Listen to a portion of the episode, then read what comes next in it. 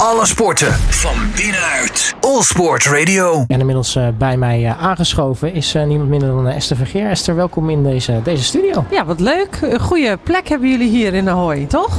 Ja, ik vind het fantastisch. zo tussen Sportsplaza en het, en het eten en allemaal in. Dus nou ja, dikke prima. Ja, Mooie, mooie setting, mooie middag en een mooie week volgens mij. Absoluut. Uh, nou, als we het uh, daarover gaan hebben, voor jou wordt het natuurlijk ook een hele interessante week. Want we gaan natuurlijk ook weer volop voor het wheelchair tournament aan de slag. Um, hoe zit jij er op dit moment bij, zo nou, het begin van deze week? nou, ik zie spelers binnendruppelen. Ik uh, schud wat handen. Ik ben blij ze in goede gezondheid uh, te ontvangen. En uh, wat toch ook altijd wel weer spannend is, wat vinden ze van de setup? Dus we hebben toch wel weer wat vernieuwingen gedaan hier binnen Ahoy. En dan is het toch maar weer de vraag, wat wij hebben bedacht, werkt dat dan ook voor die spelers? En dus dat is een beetje mijn gevoel. Beetje zenuwen, gezonde spanning, beetje kriebels in de onderbuik. en vooral heel veel zin in dat we gaan beginnen. En wij hebben woensdag onze eerste wedstrijden. Ja, dat betekent dat ergens deze week de spelers natuurlijk ook gaan aankomen. Dat is voor, ja, sowieso voor een toernooidirecteur ook wel een spannend moment. Ja, dat is dus spannend. Ja, hoe, uh, nou ja, hoe staan ze er fysiek voor? Komen ze überhaupt wel? Hè? Want je hebt toch altijd last minute afzeggingen die altijd plaats kunnen vinden. Dus dat is spannend. Maar ik heb tot nu toe goede hoop dat we het volledige veld wat we bij de inschrijving hadden, dat die ook daadwerkelijk gaan komen. En uh, ja, er zijn wat uh, nou ja, de, de, oude gezichten, oude bekenden en wat nieuwkomers. Dus dat is, uh, dat is heel mooi. Is dan de grootste zorg of ze gaan komen of of ze allemaal op tijd zijn? ja, ik hoop toch een beetje de discipline van de sporters dat ze dan toch ook wel echt op tijd zullen zijn. Maar je weet nooit wat er met uh, ja, vluchten of in een reis kan er natuurlijk ook van alles gebeuren. Dus ik, als ik ze de hand heb geschud en de loting is geweest en ik weet dus dat ze binnen zijn, dan gaat mijn hartslag iets omlaag. Nou, want je zegt al, uh, nou ja, woensdag is jullie eerste wedstrijddag. Betekent dat nu uh, ongeveer de eerste paar dagen de mensen gaan aankomen. Um, jij bent hier natuurlijk ook uh, vandaag. Wat, wat gebeurt er dan voor jou van, op zo'n dag als vandaag dan eigenlijk? Ja, het is meer ook eventjes mijn routing vinden. Maar ik heb ook al wel activiteiten staan. Dus ik heb clinics al gedaan. ik moet vanmiddag een, een groep toespreken. Uh, van orthopedische chirurgen die hier een seminar hebben. Um, dus ik ben hier bezig om de laatste dingetjes bij onze wheelchair arena, want dat is dus nieuw nu in Hooi, om die uh, te optimaliseren. Puntjes op de i. De Esther Vergeer Foundation staat daar met een stand, dus ik moet ook even checken of uh, nou, zij het naar hun zin hebben.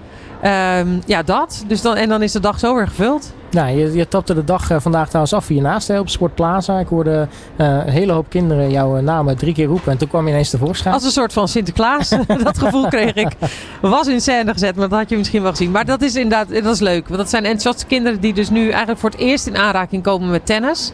Mede door de ABN AMRO Foundation die dat dan doet. Ja, en dat is leuk. Dat zij dus hier zo'n dag mogen beleven en clinics mogen ervaren. Ook dus een stukje rolstoeltennis, een stukje bewustwording. Superleuk. En die kinderen zijn altijd enthousiast. Ja, en dat is denk ik ook wel belangrijk. Hè? Want tenminste, dat kan ik nog herinneren uit mijn jeugd. Uh, dat, volgens mij hebben we dat verhaal wel eens een keer uh, met elkaar besproken. Maar toen ik in groep 6 zat, toen kwam jij een keer een clinic geven voor onze klas. het, is, het is ook heel erg belangrijk dat die kinderen al vanaf jongs af aan... in ieder geval ook met, met aangepaste sport in aanraking Ja, dat denk ik ook. En dat, dat die ja, die angst of die onweten, onwetendheid, zodat die een beetje weggaat. Um, en dat is dan leuk, uh, ja, ook gewoon om het uit te proberen. Het is natuurlijk best grappig om rolstoeltennis even te uitproberen als je dat nog nooit hebt gedaan. Of je hebt geen handicap, want het ziet er stuntelig uit. Je kan een beetje botsen, je kan een wedstrijdje doen, wie is het snelst. Um, en dus dat maakt het heel leuk. En dan denk ik inderdaad dat hopelijk, net als jij, terugkijkt als je ouder bent uh, op gehandicapte sport. Dat je dat eigenlijk best wel tof of cool vindt. Uh, dus dat draagt allemaal bij aan, aan, aan nou, de betrokkenheid binnen gehandicaptensport. En daarom is het ook zo belangrijk dat dat, dat wheelchair tournament ook aan, aan dit toernooi gekoppeld zit natuurlijk. Ja, ja, en dat is denk ik een van de.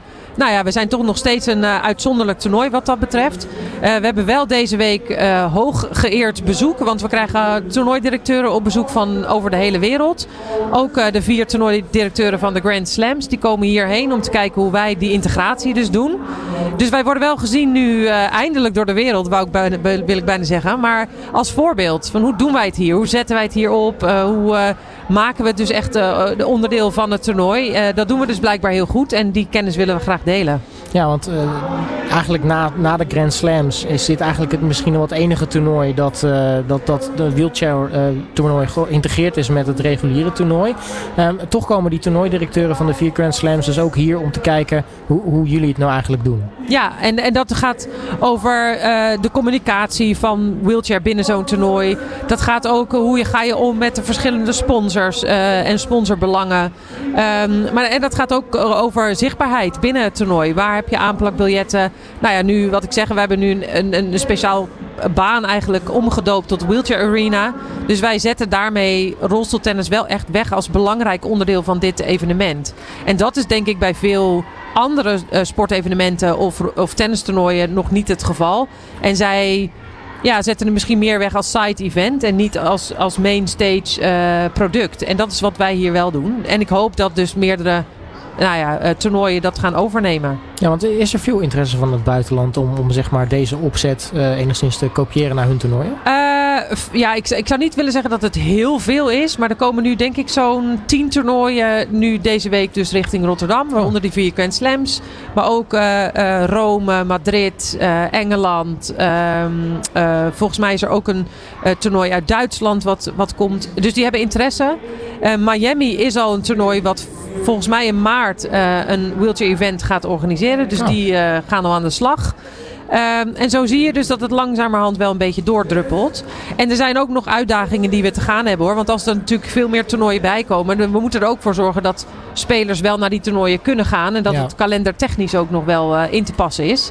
Maar goed, dat is dus goed om daarover te spreken. En dat doen we dus deze week.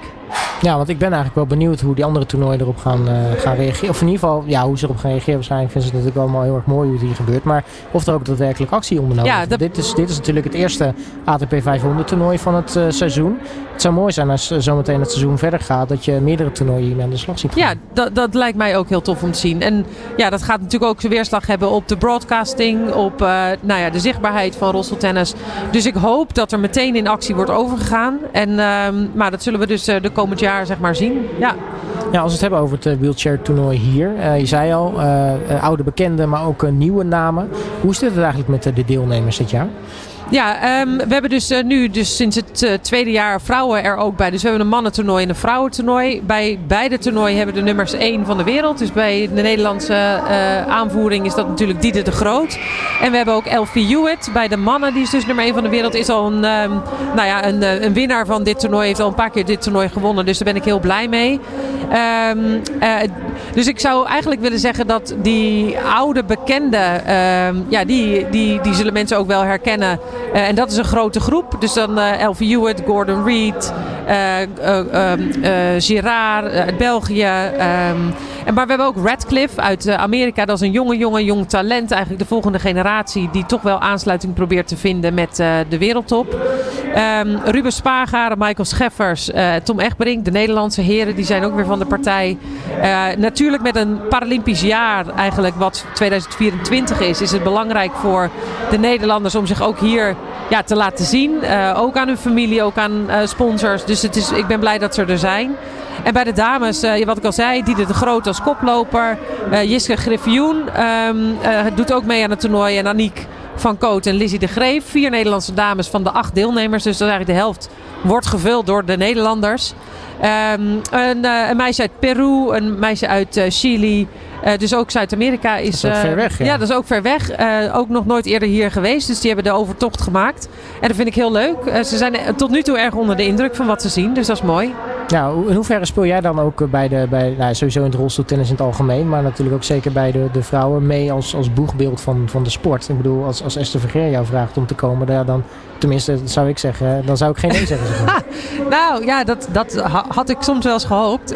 zo makkelijk gaat het niet. Ik denk wel dat het scheelt. En ik weet ook dat ze weten dat dit een kwalitatief hoogstaand toernooi is. Dus daar, het, daar ligt het niet aan. Um, maar het is dus wel, ja, de, de spelers hebben ook wel gewoon eigen belangen. En die pikken de toernooien uit waarbij ze veel punten kunnen verdienen.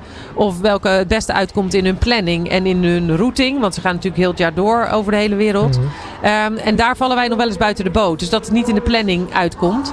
Dus dat is ook echt iets waar we iets aan moeten doen. Dus met de ITF, de Internationale Tennisfederatie, moeten we in gesprek. Van hoe maken we zo'n optimaal mogelijke eh, kalender eigenlijk met elkaar. Ja, want je, kunt moeilijk zeggen als het eh, wheelchair tournament niet past in het toernooi, oh, van plaats wordt even. Want jou natuurlijk aan het hele toernooi vast. Precies, ja. Dus daar hebben we helemaal niet zoveel uh, flexibiliteit in. En dat is juist heel mooi. En aan de andere kant is het dus ook wel een uitdaging om dat allemaal passend te krijgen in ja, de kalenders van iedereen. Wat verwacht jij van de Nederlanders op dit toernooi? Uh, nou, ik heb hoge verwachtingen van Dida. Uh, en uh, haar, de nummer 2 van de wereld is er helaas dus niet bij, de Japanse. Uh, dus wellicht biedt dat mogelijkheid voor de andere Nederlanders om te, ook wel hoge ogen te gooien. En Jessica Griffioen is natuurlijk hartstikke uh, met haar comeback en uh, goede resultaten ja, goed bezig. dubbeltitel in Australië op de Australian Open. Precies, dus ja, ik heb wel wellicht dat dat een hele mooie uitkomst zou kunnen zijn van het toernooi. Um, en bij de heren, ja, ik denk Ruben Spaargade komt toch ook wel van een uitdagende fase, zeg maar, terug. Dus ik heb hem nog niet gesproken hoe hij er fysiek voor staat, maar ik hoop ook eigenlijk dat hij ja, hier toch wel wat extra energie uithaalt om uh, het ver te schoppen binnen dit toernooi. Ja, en dan is uiteindelijk ook wel nummer 1 van de wereld. Als die in de finale staat, dat is gewoon mooi qua kwaliteit. Dus dan gun ik LVU het ook wel een finale plaats. Ja, en uh, nou, ik heb een paar jaar geleden hier gesproken toen hij, toen hij hier was. Volgens mij was hij hier toen voor het eerst. Was het nog echt een jong aanstormend talent, maar leuke gozer ook. Dus volgens mij, ja, je, je gunt het hem sowieso wel. Nou ja, en dat is een beetje ook wat Richard ook wel heeft met wildcards.